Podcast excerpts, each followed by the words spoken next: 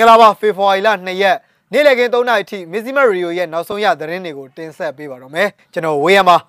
ထန်တလန်မြို့ရင်းတိုက်ပွဲပြင်းထန်နေပါတယ်အဲ့ဒီတိုက်ပွဲမှာစစ်ကောင်စီတပ်ကဒရုန်းနဲ့ဘုံကျဲတိုက်ခိုက်ပါတယ်ခင်ဗျာရွှေဘုံမှာတက်ဆွဲထားတဲ့စစ်အုပ်စုဒရုန်းနဲ့တိုက်ခိုက်ခံရလို့နှစ်ဦးသေဆုံးသွားပါတယ်တနင်္လာရီမြို့နယ်ညောင်ပင်ကုန်းရွာမှာရှိတဲ့မိုင်းတဲတာဝါတိုင်းတော့ဖျက်ဆီးခံလိုက်ရပါတယ်ခင်ဗျာအီကွေဒေါမြို့တော်မှာရေကြီးမှုတွေကြောင့်လူ24ဦးသေဆုံးပြီး ဒါဇင်နဲ့ချီဒဏ်ရာရပါတယ်ဒီသတင်းတွေနဲ့အတူဒီကနေ့နေ့လယ်ပိုင်း3နာရီထိနောက်ဆုံးရရှိတဲ့သတင်းတွေကိုတင်ဆက်ပေးမှာပါခင်ဗျာပထမဆုံးသတင်းတစ်ပုဒ်အနေနဲ့ချင်းပြည်နယ်ထန်တလန်မြို့တွင်စစ်ကောင်စီတပ်နဲ့ဒေသကာကွယ်ရေးတပ်တွေမနေ့ကဖေဖော်ဝါရီလ၁ရက်နေ့မှာတိုက်ပွဲပြင်းထန်စွာဖြစ်ပွားခဲ့ပြီးစစ်ကောင်စီတပ်ကဒရုန်းတွေနဲ့ဘုံကျဲတိုက်ခိုက်ခဲ့ကြောင်းသိရပါတယ်စစ်ကောင်စီတပ်ဘက်ကလက်နက်ကြီးလက်နက်ငယ်တွေသာမကပဲဒရုန်းနဲ့ပါဘုံကျဲတိုက်ခိုက်ခဲ့တယ်လို့ ချင်းမျိုးသားတပ်မတော် CNA ရဲ့ပြောရေးဆိုခွင့်ရှိသူစလိုင်းထက်နီကပြောပါတယ်ခင်ဗျာတိုက်ပွဲတွေမှာစစ်ကောင်စီတပ်ကလက်နက်ကြီးတွေအဆက်မပြတ်ပစ်ခတ်တာကြောင့်လူနေအိမ်တွေလည်းမီးလောင်ပျက်စီးခဲ့ပြီးစစ်ကောင်စီတပ်သား9ဦးသေဆုံးကတအုပ်ဒဏ်ရာရရှိကြောင်းစီရီယက်ထန်တလန်နဲ့ CNA ရဲဘော်တွေအထိခိုက်မရှိကြောင်းသူကပြောပါတယ်ဇန်နဝါရီလ30ရက်နေ့ကဖေဖော်ဝါရီလ1ရက်နေ့အထိစစ်ကောင်စီတပ်တွေကထန်တလန်မြို့ပေါ်မှာရှိတဲ့နေအိမ်တွေကိုထပ်မံမီးရှို့ခဲ့ရမှာတော့ အိမ်ပေါင်း64လုံးပျက်စီးခဲ့ပြီးဖျားเจ้าနဲ့သာသနာရေးဝန်ထမ်းအိမ်ယာတွေပါပါဝင်ကြောင်းလက်ရှိထန်လန်မြို့ထဲမှာပြည်သူတွေနေထိုင်ခြင်းမရှိတော့ဘဲ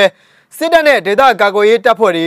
နေ့စဉ်ဒီပါတိုက်ပွဲတွေဖြစ်နေကြောင်းသိရပါတယ်ခင်ဗျာ။နေတော့ကဟာခမြို့မှာစစ်တပ်ထောက်ခံပွဲပြုလုပ်ခဲ့ပြီးရဟတ်ရင်တစင်းဆင်းသက်လာပြီးတဲ့နောက်စစ်တပ်ကအရက်လေးမျက်နှာမှာရှိတဲ့ကြေးရွာတွေကိုလက်နက်ကြီးတွေနဲ့ပစ်ခတ်ခဲ့ကြောင်းလည်းဒေသခံတွေကပြောပါတယ်ခင်ဗျာ။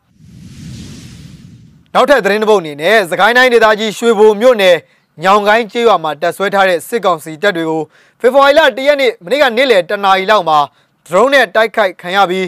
စစ်သား2ဦးသေဆုံးခဲ့တယ်လို့ Snake Eye PDF အဖွဲ့ကပြောပါတယ်ခင်ဗျာအလုံးစုံရှိရင်အဲ့ဒီစခန်းမှာစစ်သား20နဲ့ပြူစောထီ30လောက်ပဲရှိတယ်ဝေငကနေတိုက်ခိုက်လိုက်တာဒရုန်းနဲ့အီနာဂါဘုံသီးကိုပြစ်ချပြီးတိုက်ခိုက်ခဲ့တာ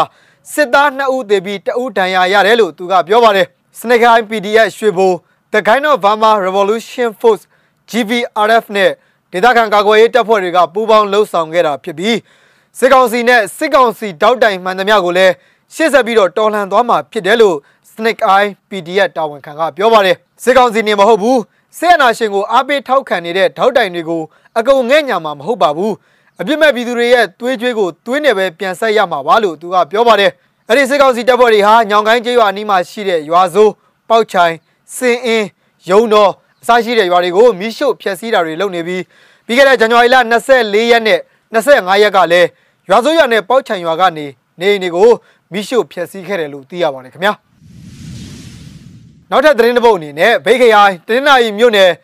ဗန်လမွတ်ကျေးရွာအုပ်စုညောင်မင်းကုန်းကျေးရွာမှာရှိတဲ့မိုင်းတဲတာဝါလိုင်းကိုမနေ့ကဖေဖော်ဝါရီလ1ရက်နေ့ညနေ9:00နာရီလောက်မှာမိရှုဖျက်ဆီးခဲ့ကြောင်းတနင်္လာရီရိုးမှပြည်သူ့ကာကွယ်ရေးတပ်ဖွဲ့တာဝန်ရှိသူကပြောပါတယ် ကျွန်တော်တို့ဘက်ကဆေးရနာသိန်းတစ်နှစ်ပြည့်အနေနဲ့ဖေဖော်ဝါရီလ1ရက်နေ့မှာစစ်ကောင်စီအဖွဲ့စီးနင်းလိုက်ပါလာတဲ့စိုင်းငယ်9စီးကိုမိုင်းဆွဲတိုက်ခိုက်ခဲ့တဲ့အပြင်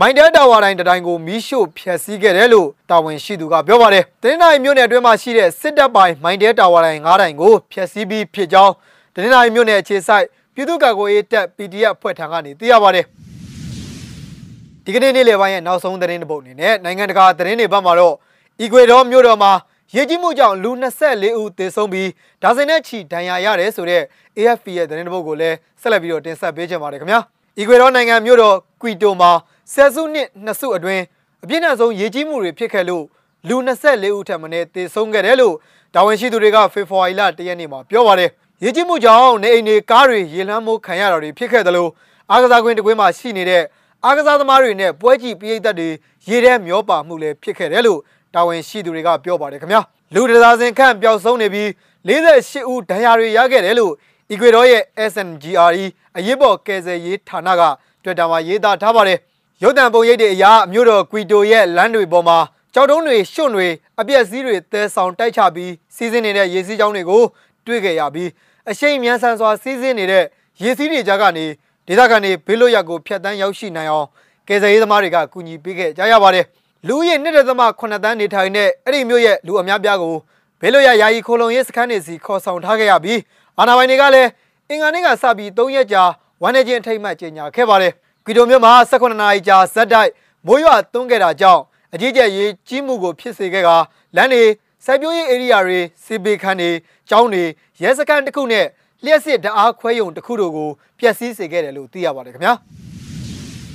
ဖေဖော်ဝါရီလ2ရက်နေ့လည်ခင်း3နာရီထိ နောက်ဆုံးရရှိခဲ့တဲ့သတင်းတွေကိုတင်ဆက်ပေးခဲ့တာပါခင်ဗျာမင်းစည်းမရေဒီယိုကိုစောင့်မျှော်နားဆင်ကြတဲ့ပြည်သက်အပေါင်းကိုယ်စိတ်နှပြကျမ်းမာချမ်းသာကြပါစေလို့ဆုမွန်ကောင်းတောင်းလိုက်ရပါတယ်ထူးခြားတဲ့သတင်းတွေနဲ့အတူကျွန်တော်တို့မကြခင်မှာပြန်လည်ဆုံတွေ့ကြပါမယ်ခင်ဗျာ